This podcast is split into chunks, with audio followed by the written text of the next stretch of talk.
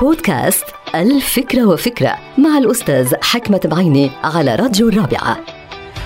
فكرة اليوم لها علاقة بحب الذات عند الإنسان. بعض الأشخاص بيعتبروا حب الذات نوع من الأنانية أو أيضا النرجسية. ولكن في كل الأحوال هل هذا الحب هو نعمة أم نقمة عند الإنسان؟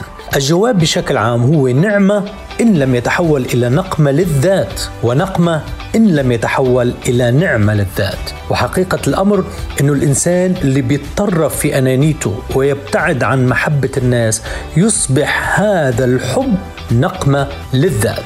أما إذا فتح قلبه وأعطى كل حبه حب الذات إلى حب الآخرين يتحول هذا الحب إلى نعمة للذات البشرية.